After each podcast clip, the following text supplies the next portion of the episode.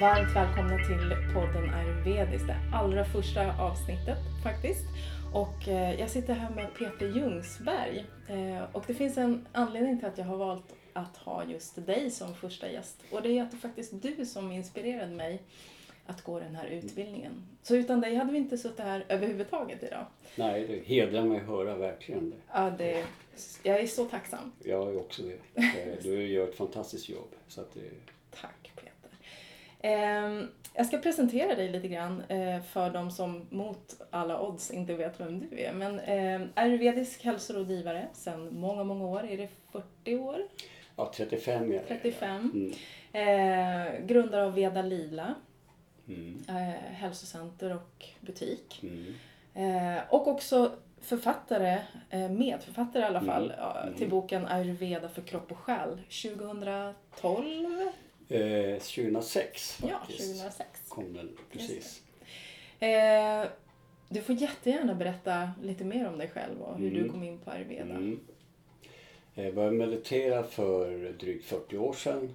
eh, Transcendental meditation och eh, då Första gången fick jag höra talas om ayurveda, det var väl i slutet på 70-talet.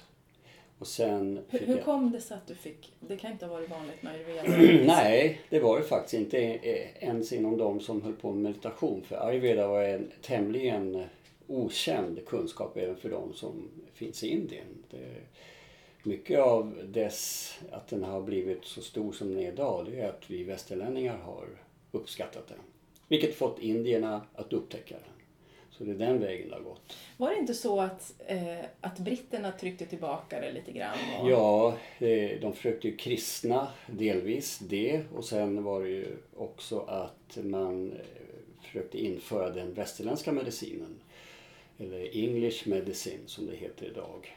Och det, då fick ju ayurveda eh, backa så att säga och till och med att man gjorde allt för att förstöra ayurveda faktiskt. Och, eh, och det är mycket Även som... yoga va? Ja, allt det där som till, det ansågs ju vara okristligt och hedniskt och, och så vidare. Allt som kommer från de vediska Precis, skrifterna. Mm. exakt. Så att, eh, och det var ju många som var där, det var ju missionärer också. De var ju där för att omvända hedningarna till den kristna läran och så. så att, eh, och då fanns ju ingen plats för ayurveda. Men det lyckades sippra ut. Och till Sverige. Och till dig. Ja, jo faktiskt. Så att eh, jag är verkligen glad för det för det har ju präglat mitt liv i väldigt hög grad och jag har haft enorm hjälp av ayurveda personligen också naturligtvis för att det har hjälpt mig att förstå mig själv. Hade jag förstått det här när jag var liten, eh, som att vara en vata ett ärke-ufo som inte fattar ens att jag ska gå till skolan och mamma kom cyklande efteråt och talade om men Peter vad står det här för? Du ska gå till skolan. Hade jag förstått det då och min lärare hade förstått det och mina föräldrar hade förstått det. Då hade jag också blivit förstådd. Så att eh, det där hade varit, eh, inser jag, en enorm hjälp att få- den förståelsen tidigt i livet. Ja. Men eh, det har jag nu fått en förståelse för efterhand vilket har hjälpt mig att acceptera den jag är. För det är det det handlar om.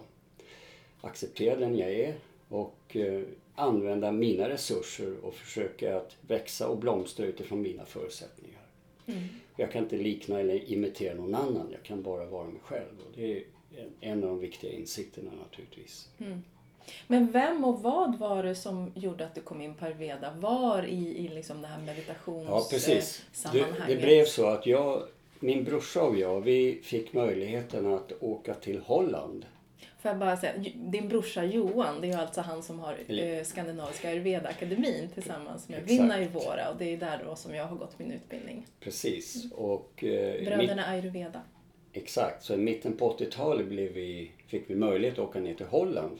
Dit det hade kommit, bildats ett center för utbildning av ayurveda och panchakarma. Det var panchakarma-utbildning. Så vi var där nere och fick lära oss massagen och allt hantverk när det gäller att eh, eh, bedriva panchakarma, alltså den behandlingen.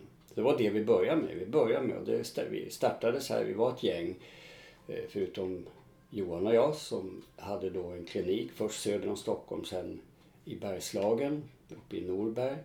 Och sen så på Veda Lila senare så öppnade vi en klinik och där har vi då haft massor med behandling och det är en fantastisk behandlingsmetod. Detox, rening. Du pratar om panchakarma nu. Panchakarma, behandling exakt. i fem steg. Exakt, som är fem reningsmetoder kan man säga som på ett väldigt djupgående plan balanserat kan eh, eliminera djupt sittande eh, gifter i kroppen.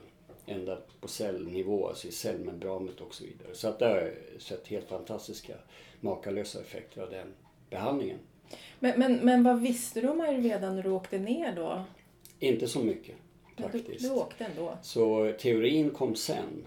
Eh, Jag började att praktisera panchakarma-behandlingar utan att fatta speciellt mycket om eh, den, eh, alltså vad egentligen ayurveda är och hur stort det är och så vidare.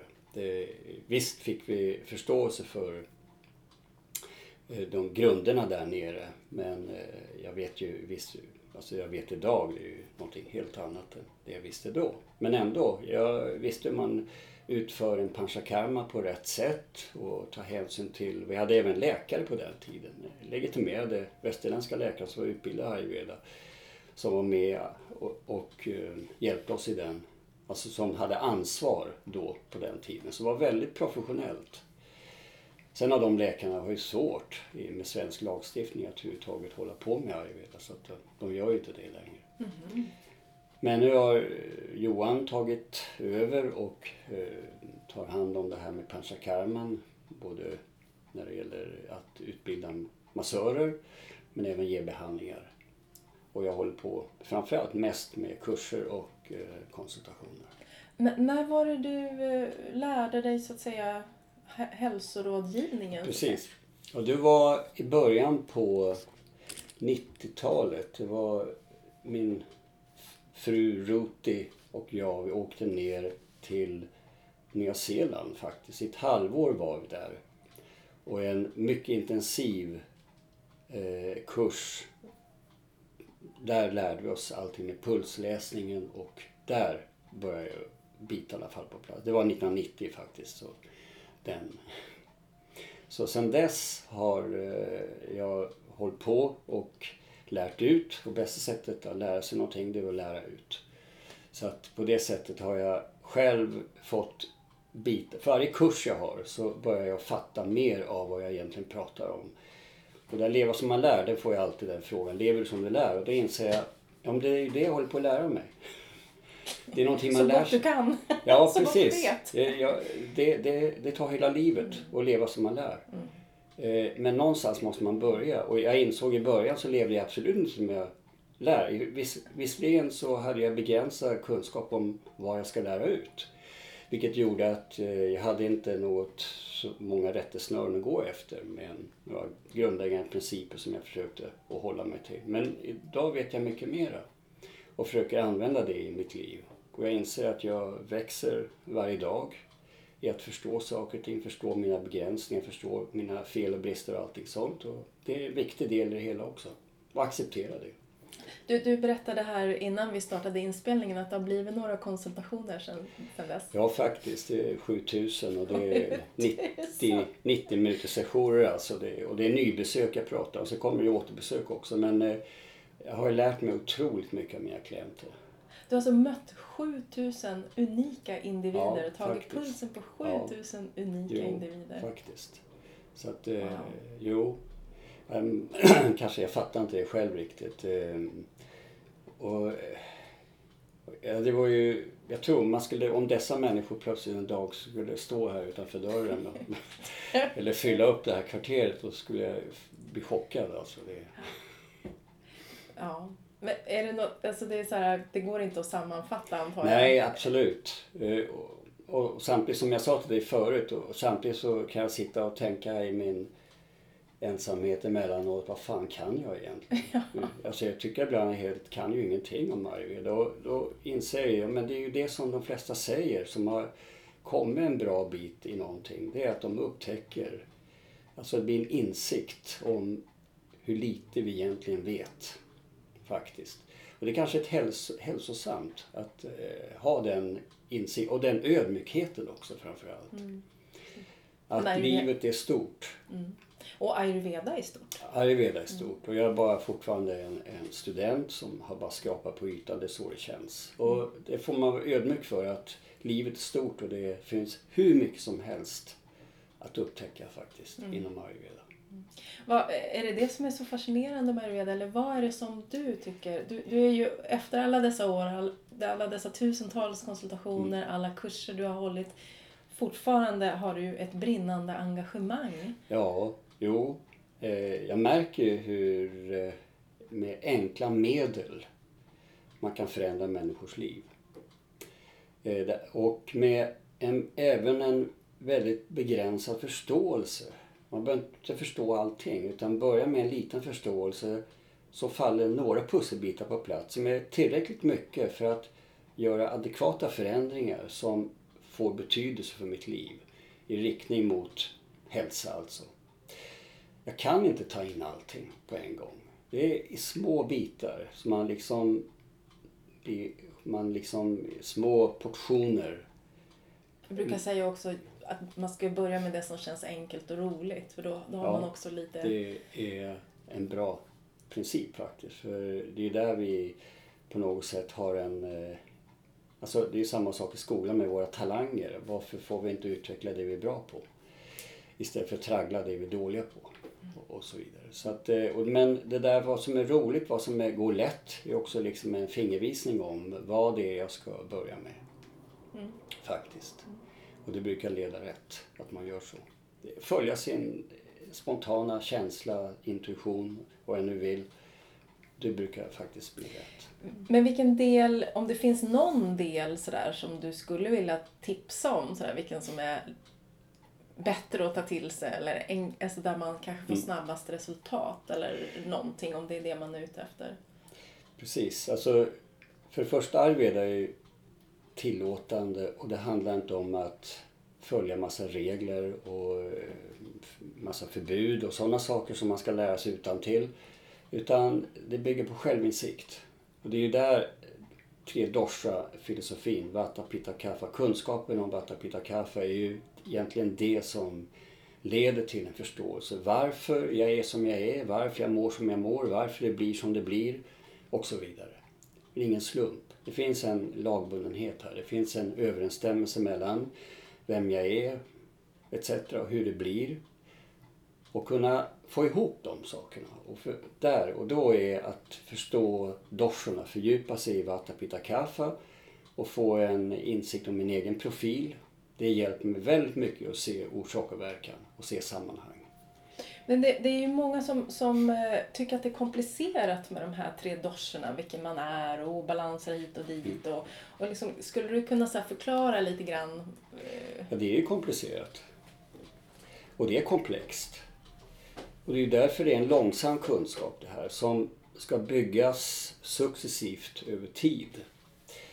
Och det är viktigt att inte göra det här komplexa så förenklat att det blir urvattnat. För då säger du ju bara som att läsa en veckotidning. Och, det, och alla tycker jag känner, mig alla, känner igen mig alla tre och jag har ingen aning vem jag är. Och då är det liksom ganska meningslöst. Egentligen. Helt meningslöst är det inte. Men när man inser just komplexiteten. Vi har en unik dosha-profil och det är, som är, uttrycker sig mentalt, kanske med en dosha, en annan dosha känslomässigt, en tredje dosha kroppsligt. Det är jag som består av denna kombination, denna makeup. Är det alltid så att man har en mentalt, en fysiskt och Ja. en... Absolut. Allt är olika? Inte alltid olika, men det kan vara olika. Så om jag har mycket vata i sinnet med kaffe i kroppen, det är klart kroppen har ju behov att röra på sig. Sinnet har behov att landa. Och eh, det är ju två olika sidor av mig som har olika behov. Om jag kan upptäcka det, förstå det, så kan jag också ta hand om mig själv på ett annat sätt. Nu måste kroppen ut och röra på sig, men inte för mycket för då kan det få en konsekvens på vatan. Och vatan behöver lugn och ro, meditation och så vidare för att landa, komma till ro, grundas. Speciellt i denna tid, vata pitta tid som är så oförutsägbar och instabil i världen idag. Så är det viktigare än någonsin att förstå de lugnande, grundande förankrande principerna. Det är nästan så att alla har lite behov av det. Absolut. Alla som bor... Ja, i det här Vatapita-samhället, eh, digitala samhället, digitala revolutionen, vad det har gjort med våra liv. Jag, jag tror vi, vi måste backa för att få perspektiv. Hur var det egentligen innan den digitala revolutionen? Och innan smartphones? Smartphone, det är ju digitalt heroin. Alltså det är en smartphone addiction. Hur beroende är vi? Hur fastklistrad är mobilen i min hand egentligen? Som ni är tioåringar. Som, vad får det för konsekvenser för min vata, för mitt liv, för mitt sätt att uppfatta världen? Inte bara via skärmen utan in the real life så att säga. När möter med andra människor. Inte bara via Snapchat och, Snapchat och liksom Instagram och så vidare. Utan faktiskt på riktigt. Och där är det viktigt att se vad teknologi gör med oss och hur denna teknologi ökar vår vata i väldigt hög grad och gör att vi blir avkopplade, frånkopplade från naturen och vårt verkliga sammanhang som är just jordelementet som där vi ska vara eh, förankrade i för att eh, inte vår vata ska dra iväg med oss som det är för de flesta idag. Och de tror att det är som det ska.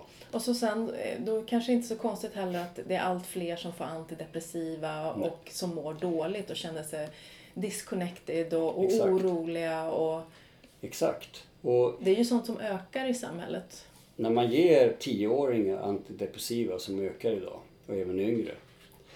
Utan att förstå då vad har det här barnet inte fått för någonting i livet som har gjort att han eller hon mår dåligt så tidigt i livet. Så bör man kunna ställa de väsentliga frågorna. Alltså orsaksrelaterade frågor. Etiologi inom skolmedicinen det är liksom orsaken till sjukdom. Orsaken till saker och ting med, med vår hälsa och så vidare. Att ställa de orsaksrelaterade frågorna. Varför blir vi sjuka? Vad är orsaken till det? Vad gör vi för fel när en tioåring måste äta antidepressiva? Det borde vara de relevanta frågorna att ställa. Istället för att säga, ja men det är, för idag blir det då helt normalt att en tioåring ska gå omkring och knapra antidepressiva. Istället för att tänka, det här är röd flagga, alarm, liksom. Det är något är totalt galet med det här. Och reagera på det. På ett normalt sätt. Nej, en tioåring ska inte ha antidepressiva. Det finns en orsak till varför han eller hon mår dåligt.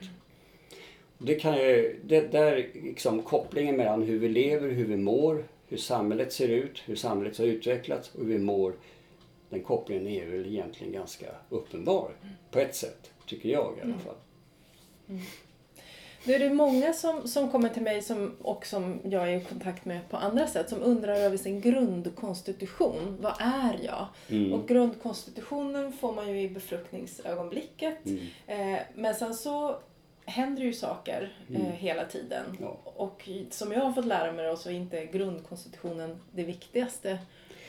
Eh, en gång i tiden när ayurveda var en del av yogan men även en del av jyotish, den vediska astrologin, så var ju jyotish den medicinska astrologin där man kunde på den vägen få någon form av klarhet i grundkonstitutionen från befruktningsögonblicket men även i födelseögonblicket. men det innebär, alltså prakriti som är grundkonstitutionen måste inte vara något som är i balans. Faktiskt. Jag kan födas i en kraftig obalans och då är det nio månader i mammas mage. Mammas mage har varit barnets livsrum och mamman är stressad som det är idag. Många ser många gravid, gravida kvinnor springer omkring och jagar runt och, och så vidare. Det är klart det får konsekvenser för det barn som bor i den kroppen och växer i den kroppen. Och att det blir ju ett vatapåslag naturligt. Man föds med en vatteobalans. Och det präglar ju mig i hög grad och även befruktningsögonblicket så att säga. Mamman och pappans mentala, känslomässiga, fysiska tillstånd påverkar ägg och spermie naturligtvis och befruktningen. Och eh, om det är mycket stress har varit så är det klart att då befruktas ägget i ett tillstånd av kanske en kraftigt vattapåslag. Under hela graviditeten kanske kan vara både vata och pitta som dominerar. Det kan vara alla tre. Och jag föds med en obalans. Och det, det jag då kallar prakriti är ju inget balanserat tillstånd. Och därför är det då vikriti som är obalansen och det som skaver i livet. Vad är det som känns inte riktigt bra? För det är ju där man kan börja bara känna efter. Och kan jag få en insikt om vad det är som skaver och koppla ihop med en dosha. Då vet jag ju när jag förstår de grundläggande principerna inom ayurveda vilken dosha jag behöver balansera. Och då börjar jag i rätt ände. Och det är inte så att vi ska komma tillbaka till prakriti. Jag ska, jag ska bli den jag var i befruktningsögonblicket eller födelseögonblicket. Utan evolutionen går åt ett håll. Tidspilen går åt ett håll. Och det är en ständig utveckling, en ständig evolution. Så det handlar om att hur vi växer härifrån, där vi är just nu. Det kan finnas en viss bra alltså, sak med att förstå sin, sin prakriti och eh, lite grann kopplat till saker och ting som har att göra med mina föräldrar, mor och farföräldrar. För det är ju därifrån allt det här kommer rent genetiskt. Eh, om man inte funderar över varför jag är som jag är och så vidare så kan man ju hitta eh, alltså, det vi idag tittar på inom genetiken. Så att säga. Och det är ju kopplat till det här. Dosha-profilen är ju genetisk kan man säga. Men eh, obalanserna är ju de vi vill hantera, balansera. Och när vi gör det, det är då vi börjar också upptäcka vad finns bakom obalanserna. Och där börjar jag skymta någonting. Om jag är väldigt mycket vata men jag minns mig själv som väldigt lugn och långsam när jag var liten och det är uppenbart att det var en kaffe. Jag kanske har drillats in i en pitta vata roll för att föräldrarna eh, förstod inte riktigt hur man kan vara så där långsam. Det kan man inte vara i det här samhället. Alltså lär dig att speeda upp lite grann. Och man kan lyckas drilla in en kaffa in i pittafållan, vattafållan och bli snabb. Och det blir en avvikelse för vem jag är. Jag lever ju inte den jag är. Själva grunden för den jag är, det är inte den jag lever utifrån. Utan jag lever utifrån förväntningar, jag lever utifrån andras önskningar och så vidare. Men, men har man då, för det, Vatas eh, karaktärsdrag är ju en sak och kvaliteter. Men och oba, Vatas obalans är ju något annat. Absolut. Men har man då obalanserna, symptomen, eller har man eh, grunddragen så att säga? Ja, det är ju obalanserna som är intressanta att kunna identifiera. Så att, eh, och i och med att de balanseras och i och med att vi vanligtvis eh, betraktar en obalans som att det är någonting som är för mycket Sänker vi den, då kommer vi i kontakt med till exempel vattans genuina, balanserade egenskaper. Det är där vatten börjar blomstra. Alltså blomstrande, alltså blomstra, det innebär att vi kanaliserar vattens bästa kvalitet, dess kreativitet. Den obalanserade vatten, det är liksom det är idéer åt alla håll. Ingenting blir manifesterat på något sätt. Det är bara en massa snack om visioner hit och dit och det händer ingenting. Och när vatten kommer i kontakt med sin, sitt lugn, faktiskt, mm. det är då vattakvaliteterna kan kanaliseras och kreativiteten kan kanaliseras. Och det är där jag börjar blomstra faktiskt. Mm. Och det är det vi vill, att varje, jag ska ha varje dosha som en tillgång och inte någonting som gör det jobbigt för mig. Ja, för det där får jag också frågor om ibland. Han, det här att balansera, är inte det egentligen att mainstreama så att vi alla blir lika eller ta bort våra egenarter och mm. det som gör oss speciella? Men det, det handlar ju mer om att putsa på diamanten så att den kan skina eller hur man nu... Precis, alltså det handlar inte om att passa in i en kategori det här. Eh, om vi tar en, en Vata Pitta person till exempel. Och eh, om vi samlar 10 000 Vatapitta-personer här från jordens alla hörn så kommer vi finna att det är en mycket, mycket brokig samling människor. Eh, där alla tycker sig bäst känna igen sig själva i beskrivningen av Vatapitta. Men var och en uttrycker sin Vatapitta på sitt eget fullkomligt unika sätt. Och trots att det är så unikt som var och en uttrycker sin Vatapitta så går det ändå inte att ta miste om att det var tapita. Och det är det som är det, att se det unika i det universella, det universella i det unika, hur de speglar varandra. Och när jag säger blomstra, utvecklas, expandera sin potential och så vidare så handlar det snarare om att ta sig ur den box vi har hamnat i, faktiskt.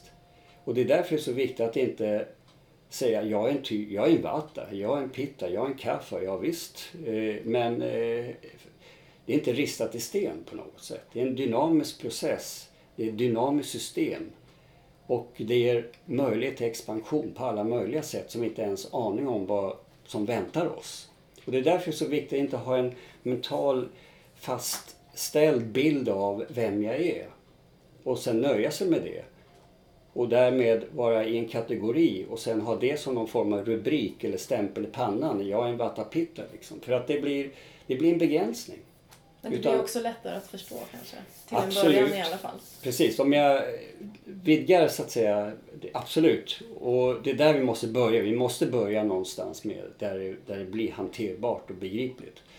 Men nu expanderar jag förståelsen till att det finns ingen ände hur långt vi kan utvecklas. Och vi kan expandera utanför de gränser vi trodde var våra fastställda gränser, till exempel dorsamässigt. Så att, eh, och det är det som är självkännedom, upptäcka sina kvaliteter, mm. upptäcka, upptäcka sin potential, fördjupa sig i sin, i sin potential, medfödda kvalitet, medfödda egenskaper. Det, det, jag får också ofta frågan, eh, hur vet jag om jag är i balans då? Precis. Det, alltså, det är inte kvantifierbart direkt. Man kan fråga...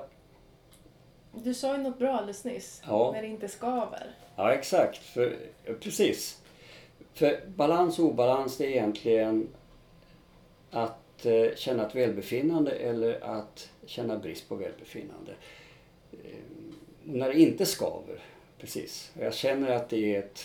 Jag, har ett, jag, jag känner att jag mår bra och det är balans. Det måste inte ha fler kriterier på det än att känna att jag mår bra och nästan göra till problem. Liksom. Men jag måste ändå få det kvantifierat och, och liksom på något sätt eftersom vi idag är så måna om liksom att eh, inte bara lita på det subjektiva, ska ha en objektiv referens också som verkligen talar om exakt att vi Vet du verkligen att du mår bra? Är du säker på att du mår bra? Och bara, där är ju tillit, alltså lita på vad vi känner helt enkelt.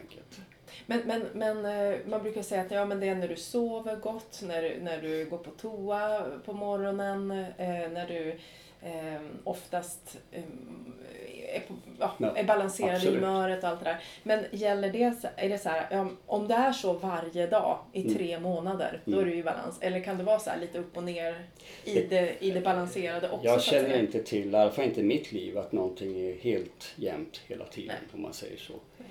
Men om du inte sover bra, om du inte går på toa som du ska, om du inte har en bra matsmältning, då kommer du definitivt uppleva ett obehag. Mm. Att det är någonting som inte är bra. Och det är just att kunna ha en eh, kontakt inåt där man kan faktiskt subjektivt lita på sin egen inre auktoritet. Alltså inse att jag sitter inne med svaren. För det har vi liksom aldrig fått lära oss. Att det kan, jag vet hur jag själv, vad som gäller för mig, vad som är bra för mig. Utan vi litar på experterna istället. Eh, och vi litar på eh, trender och så vidare. Så lita på sin inre vägvisare, sin inre auktoritet. Då blir vi ju befriade från att vara upptagna hela tiden vilka trender som gäller, vad är det som gäller nu, vad är, säger forskningen, vilka rön är det som gäller och så vidare. Det blir totalt ointressant egentligen. Jag säger inte att forskning är ointressant, absolut inte. Men att hela tiden hänga upp sitt liv på någonting som förändras varje år och hålla sig ajour, då är jag inte i kontakt med mig själv. Nej. Nej, precis. Och sen så är det en annan sak också som vi pratade om innan vi började trycka, innan vi tryckte på knappen. Mm, ja. Och som vi också sa att vi skulle komma tillbaka till. Och det är ju hur vi mår i sinnet mm. och i själen. Mm, absolut. Eh, och att, för där kan det ju skava. Verkligen. Och där har jag med där tror jag inte, där, förlåt, jag skulle bara säga, där tror jag inte, där tror jag att vi är ännu mindre benägna Absolut. att så här, ja nu skaver det mm. lite och undrar vad det beror på. Mm. Hur ska vi komma jo. till botten med det? Alltså gå omkring med det här vaga missnöjet och frustrationen och irritationen, rädslan, sorgen och så vidare. Eh, jag kan inte liksom koppla det till någonting utan det jag sa, det här, det här är verkligen någonting som skaver men det blir liksom mitt normaltillstånd. Så här eh, känns det väl för alla andra känner ju likadant. Ungefär som att det är så det ska kännas. Men det är ju verkligen ett tecken på att själen försöker kommunicera någonting till oss. Det är någonting viktigt du har missat i livet. Du har missat mig. Eh, du har aldrig lyssnat på mig. Eh, jag försöker kommunicera med dig hela tiden men det är som att prata med en vägg. Alltså man får aldrig gehör för någonting också. Vi förstår inte det språket. För det här är det existentiella språket. Det här är det språk som inte eh, jag pratar just nu när jag pratar med dig. Och när vi pratar med varandra. Det, det är liksom, då har vi det språket. Nu har vi ett annat språk. När vi kommer till det själsliga så är ju, man kan säga, stillheten är det språk som själen talar. Och vem förstår någonting av stillhet? För det är ingenting man ska... Försöker vi förstå det, då blir vi förstås totalförvirrade. För det är ingenting att förstå.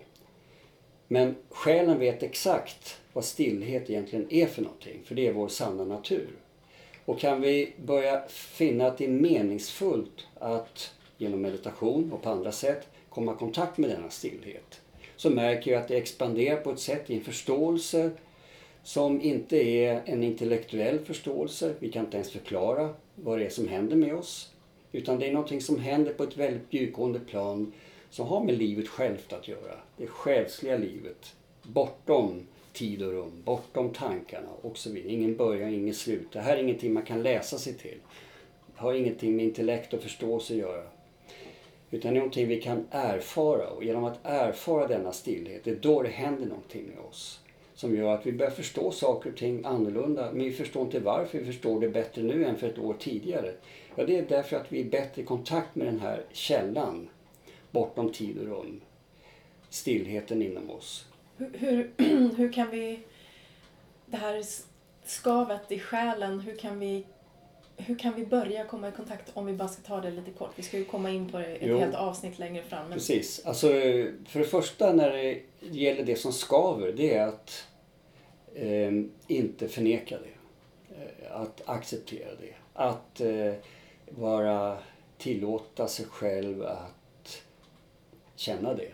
Och inse att det här, det finns något viktigt i det här, vad jag känner. Att jag känner på det här sättet. Inte göra till ett problem som ska lösas. För det kanske inte är så att det är ett, någonting jag kan lösa ens. Men jag kan börja med att identifiera vad vilja att känna det. Det är någonting som kommunicerar med mig på det här viset. Med den här obehagskänslan, vad den är för någonting. Och eh, att knyta an till sig själv och välkomna, tillåta sig känna det här. Det är första steget att börja den här inre processen. De flesta är förnekande, de flesta vill inte känna, de flesta bedövar sig, gör allt för att inte känna obehaget. De tolkar obehaget som att någonting är fel och det ska bort. Men det är bara så min inre rymd kommunicerar med mig. Och förstår jag det, att här är livet som kommunicerar med mig och jag är, jag är villig att vilja ta emot den informationen, känna det som livet försöker kommunicera med mig vara i kontakt med det, då händer någonting. Mm. Eh, du reser ju eh, land och rike runt och ger helgkurser eh, mm. för Veda Lila då. Du är ju ute enormt mycket. Ja, jo det blir en del faktiskt. Och det är, det är roligt faktiskt. Hur, hur länge har du, har du gjort det?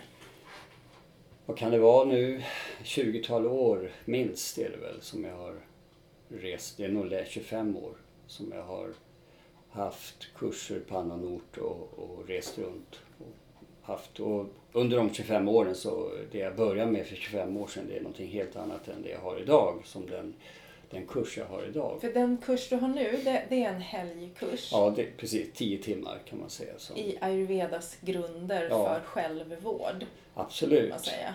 Precis, det är grunderna men ändå en fördjupning och även tar in olika aspekter av livet som gör att eh, även om man kan ganska mycket om ayurveda eh, så tror jag att man får en hel del nya infallsvinklar, nya insikter. Och det vet jag själv, om jag lyssnar på någon som pratar om ayurveda, även pratar om grunderna, så plötsligt faller massor med polletter ner. Så att eh, det är liksom alltid, det, det Jo, det visar ju det här jag sa. Man är aldrig färdig alltså. Utan det, men eh, grundkursen jag har det är liksom ingenting som bara nybörjare kan gå utan alla kan gå den. Och jag vet av erfarenhet att många som även kan en hel del ayurveda säger att de har fått ut ganska fått mycket av den kursen faktiskt. Mm. För jag uttrycker det på mitt sätt med min erfarenhet och det är ju utifrån min, mitt liv och det jag har lärt mig av mina klienter och mina kursdeltagare och så vidare. Mm. Och det blir ju ett kunnande som blir unikt för mig så att säga. Mm. Samma så lyssnar jag på någon annan, det är hans eller hennes unika kunnande som kan ge mig väldigt mycket mm. Intressanta insikter. Du, du, har, eh, hur har intresset för ayurveda förändrats under de här åren? Jag, jag, eller jag förstår ju, det har ju förändrats. Ja. Är det fler som kommer på kurserna? Har du fler antal kurser nu? Är du mer efterfrågad? Ja, alltså det, det är väl ganska jämnt antal. Och eh, glädjande så är det att det är fler och fler som håller på med ayurveda. Och, eh, Varför så, tror du att det är så? Jag tror att eh, dels har vi en sjukvård i kris och det är inte bara jag, inom, det är inte bara vi inom, inom IVL som märker det här utan jag tror att alla som håller på med alternativ komplementär medicin, homeopati, kinesisk medicin och så vidare och så vidare märker ju samma sak. Att de får klienter, så, patienter som är missnöjda med vården. De kan inte få svar på frågor. Om inte provsvaren visar någonting så finns det inget, så hittar de inget fel. Då, kan man, då säger de att ja men du, du är fullt frisk, dina prover är bra. Det är ett så trubbigt redskap att eh, diagnostisera så att det gör att så många går, kommer till vården och går därifrån känner sig så missförstådda. Att, eh, och när de kommer hit, det är då de får höra en helt annan historia där jag genom att känna på pulsen, ställa lite frågor så kan eh, en person som har fått höra inom vården att du är fullt frisk, du ska inte känna efter så mycket utan eh, det är inga problem och så vidare. Så kan jag säga att ja, men det du känner, det är klart, det, det här är en vattenobalans du har och den har symptom som är av luft. Som inte syns på provtagning, inte syns på, på, på magnetröntgen och så vidare. Men den känns i din kropp, den känns i ditt sinne känslomässigt. Du mår jättedåligt och om du, om du inte haft, fått någon namn på det här tillståndet tidigare så ska du få det nu. Och det här är typisk vattuobalans du har. Och den känns på det här sättet. Så du känner inte fel. Och det är där bekräftelsen som är så viktig. Och det är det man, inte, man får ingen bekräftelse i vården att ja men du har nog så här jobbigt. Nej, utan snarare får man höra att du känner fel, du ska inte känna efter så mycket. Gå till en psykolog, du inbillar dig det är ju, det är ju, ayurveda har ju sex steg till eh, ja. sjukdom, för sjukdomsförloppet Precis. så att säga. Och, och, vi kan känna obalanser upp till steg fyra eller vad det är och där först kan sjukvården komma med en diagnos. Det femte steget är ju där det kommer symptom som sjukvården kan säga att det är specifika sjukdomar. Men redan på första stadiet som är en avvikelse från det vi kallar balans så kan man ju, kan man ju faktiskt fastställa det genom ayurvediska diagnostiken. Att det är någonting som är en obalans här och kommer det pågå för länge så kan det utvecklas i en allvarligare sjukdom, allvarligare tillstånd. Det är spännande. Verkligen. Mm. Eh, så att sjukvården är i kris eh, och kanske att den har utvecklats allt mer krisartat under de här åren bland annat har lett till intresse, ökad intresse för ayurveda. Precis, jag har en granne här som är ambulansförare och han har berättat att det är ett system i fritt fall som han kallar det för. Så att eh, jag förstår att det är, i situationen är väldigt illa. Man försöker ge sken av att det är under kontroll men det är, det är verkligen illa. Så att eh, det, är inte, det är inte bra att hamna på ett sjukhus när man mår dåligt. Nej, vad tråkigt. Ja, verkligen. Vilka delar, du, du, du du pratar ju ganska brett om ayurveda, eh, har med många delar, eh, kosten och mm. livsstilen och allt det där. Vilka delar tycker människor är mest intressant? Ja, det, kommer, det är ju faktiskt dorsorna när man börjar att prata om dem. För att igenkänningen? Det, igenkänningen av sig själv men även eh, släck, sina barn, den man lever med, föräldrar, Eh, arbetskamrat. Allt det där på något sätt faller på plats. Och det, det, det är någonting som eh, fascinerar och eh, ger väldigt mycket aha-upplevelser. Så det, det, är ju en av hörnstenarna också att inom ayurveda, den tridosha-konceptet så att säga, den, den kunskapen. Det, det, tycker jag är lite roligt för det handlar ju er bok om, din och Eva Sanners mm. bok Ayurveda för kropp och själ, handlar ju mycket om relationer och hur man jo. kan känna igen varandra och hur man Absolut. kan eh, kommunicera. Det, det, den är jätte, den kan jag mm. verkligen rekommendera mm. alla, alla lyssnare här. Eh, vad, vad väcker störst förvåning då skulle du säga på kurserna? Eh, ibland är det att eh, de trodde att de var något annat. Det är en, det är en sak. Jag, jag trodde att jag var mycket mer vata men nu inser jag att jag har jättemycket pitta också. Och det kan vara saker de har förnekat eller saker som de har fått lära sig inte är viktigt, är negligerat och så vidare. Och så upptäcker de och det blir en ganska brutalt uppvaknande insikt om man, det blir så mycket information om detta på, på den kurs jag har så att det blir tydligt att eh, jag har ju kanske missbedömt mig själv. Och jag säger till mina kursdeltagare att ni ska inte tro på någonting vad jag säger utan det här ni får höra, det ska ni, det ska ni själva eh, bedöma relevansen i, i era egna liv så att säga. Blind tro, det leder 100% fel. Alltså det är så otroligt viktigt att ni litar på egen inre auktoritet. Om det här jag säger stämmer skapa en resonans inom mig själva, då är det någonting som är sant. Då ska ni lita på det. Och då har ni något bra verktyg att utgå ifrån. Och eh, det här är en inre vägvisare som ni får en tillgång till. Som gör att det blir tydligt alltså vilka aktiva val ni gör. Att ni kan plötsligt välja på ett sätt som ni inte kunde tidigare. Som får stor betydelse eftersom livet och hälsa skapar vi inte på ett hälsohem utan i vardagen, det vi gör varje dag. Äta, sova, vila, träna, arbeta och sen repeteras i vardagen. Det är det som kumulativt växer i riktning mot hälsa eller ohälsa. De flesta i riktning mot ohälsa, tyvärr. Men här kan man få en insikt om varför har jag under så många år repeterat vanor som leder till ohälsa? Och plötsligt kan börja korrigera det på basis av en insikt om vad är mina behov, vad är det jag behöver, vad är min konstitution, så att säga. Förstå dem, det, det blir ett helt annat sammanhang, helt annan karta jag har att utgå ifrån. Och plötsligt en karta, kompass som hjälper mig att navigera på ett sätt som inte var möjligt tidigare. Och lära sig att läsa av Vata Pitta Kapha, obalanser, det som skaver alltså, i mitt eget liv, i mitt sinne, i mina känslor, i min kropp. Och där kan jag förstå att kroppen kommunicerar med mig på det sättet. Det är så kroppen pratar med mig, genom signaler. Smärta, hunger, mättnad etc. Allt detta är kroppens signaler som de flesta har väldigt vag uppfattning om vad det egentligen kroppen försöker kommunicera. Men kroppen kan inte prata på annat sätt. Men kroppen blir hela tiden besviken för att det finns ingen som lyssnar. Och det är det vi inte har fått lära oss. Att lyssna på kroppen, lyssna på oss själva. Och med dorsornas hjälp så kan vi lyssna på ett helt annat sätt. Vi brukar ju säga, eller eh, vi, vi ska, man ska ju um, så säga, balansera efter obalans eller mm. efter den dominerande dorsan så att säga. Uh, och de obalanser som man känner av symptom av. Och sedan lite grann efter årstider, gärna äta mm. så att man... Men vi lever ju de flesta av oss i ett vata pitta samhälle som vi pratat. Mm. Borde vi inte ta väldigt mycket hänsyn till det också? Verkligen. Det. Har du några, så här, vad, vad, kan vi alla göra för att...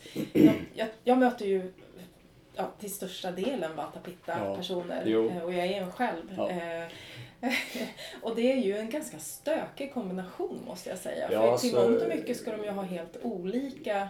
När luft och eldselementet inte är i harmoni med varandra då blir det turbulent. Och de kommer hela tiden att bråka med varandra och expandera, luften expanderar, elden flammar upp och det där håller på. Det är klart det blir kaotiskt. Det blir väldigt... Så att första är just att få blåset, alltså vattans vind, att reducera. För det kommer naturligt också få elden att minska.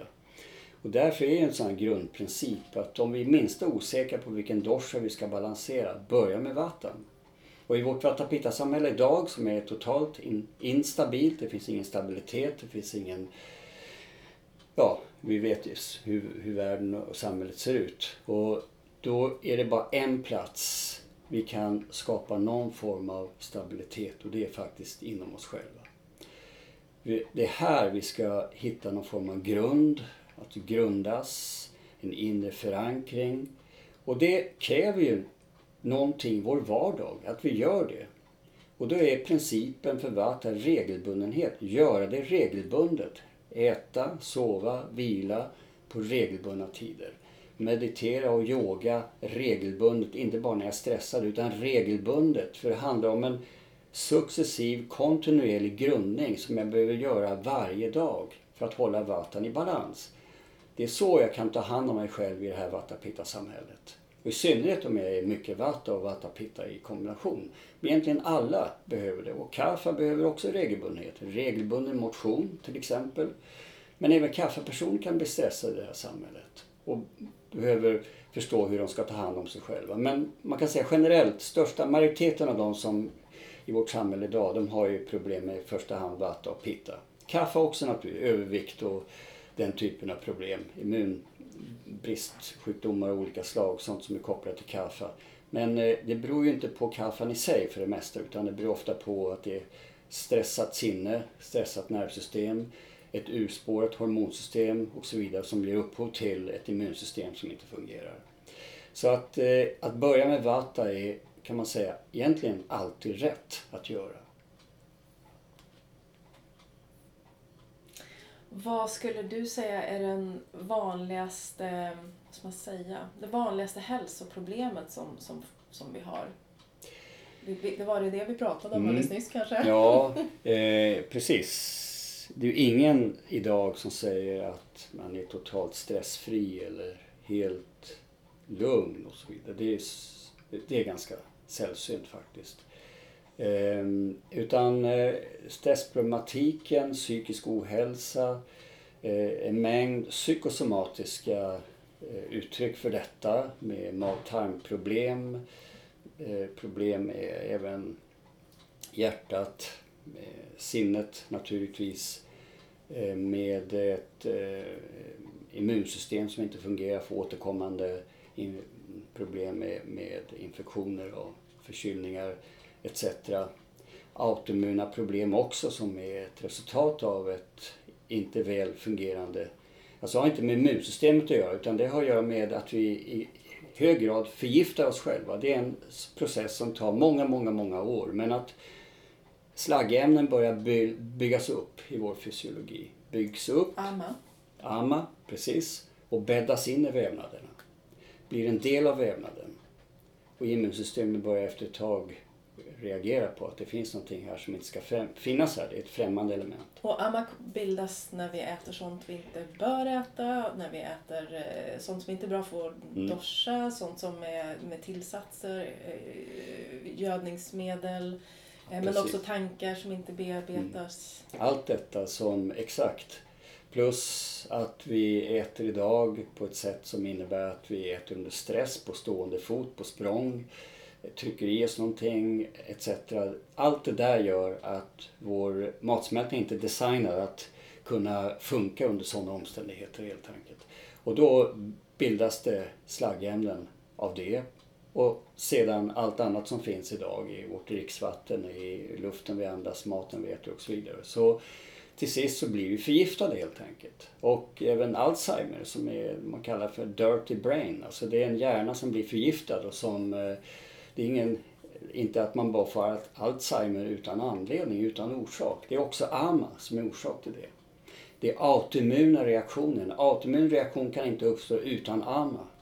När vi sen genom panchakarma till exempel eller andra reningsmetoder kan eh, eliminera denna AMA då upphör de här autoimmuna reaktionerna. Så att, men det som du frågar om, vad som är de vanligaste problemen idag, det är, det är otroligt komplext naturligtvis, men det, det är de flesta eh, man, säger, vad som, man kan säga att de tycker är problem med livet är att det är för lite tid för sig själv. Ta hand om sig själv. Tid, livet går för fort, man hinner inte med sig själv och allting som ska göras.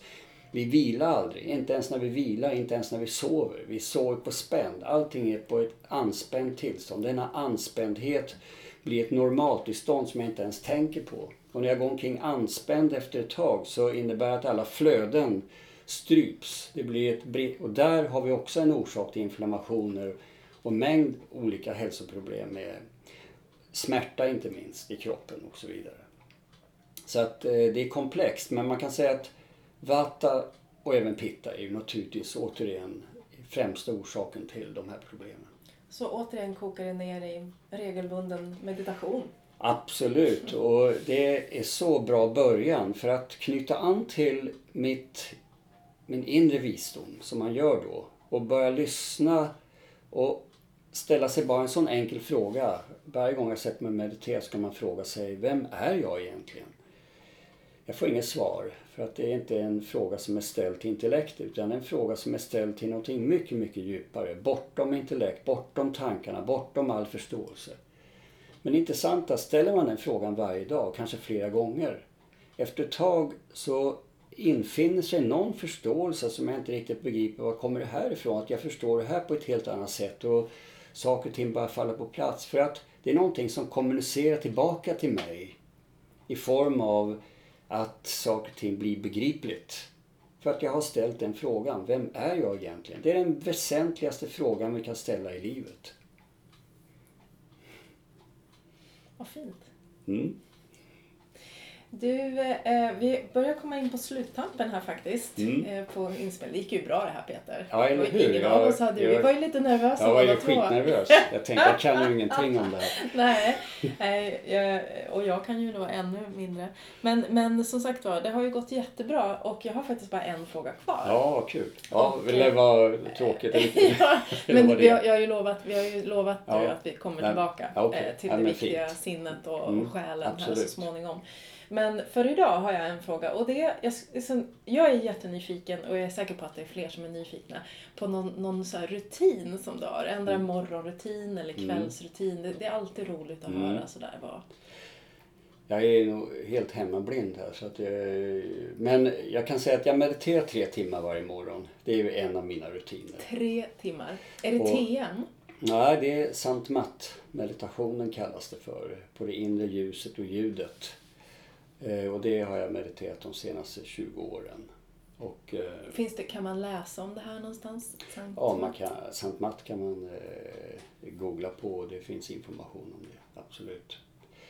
Eh, och eh, det är, jag skulle säga, betydligt kräv, mer krävande vägen TM var fantastiskt för mig. Det öppnade upp så mycket och jag gav mig så mycket förståelse och sån, jag är extremt tacksam för det. Och, jobbat som meditationslärare och allt detta som har varit enormt berikande och viktigt för mig. Men, men eh, nu har jag en mästare som på något sätt är kopplad till min själ.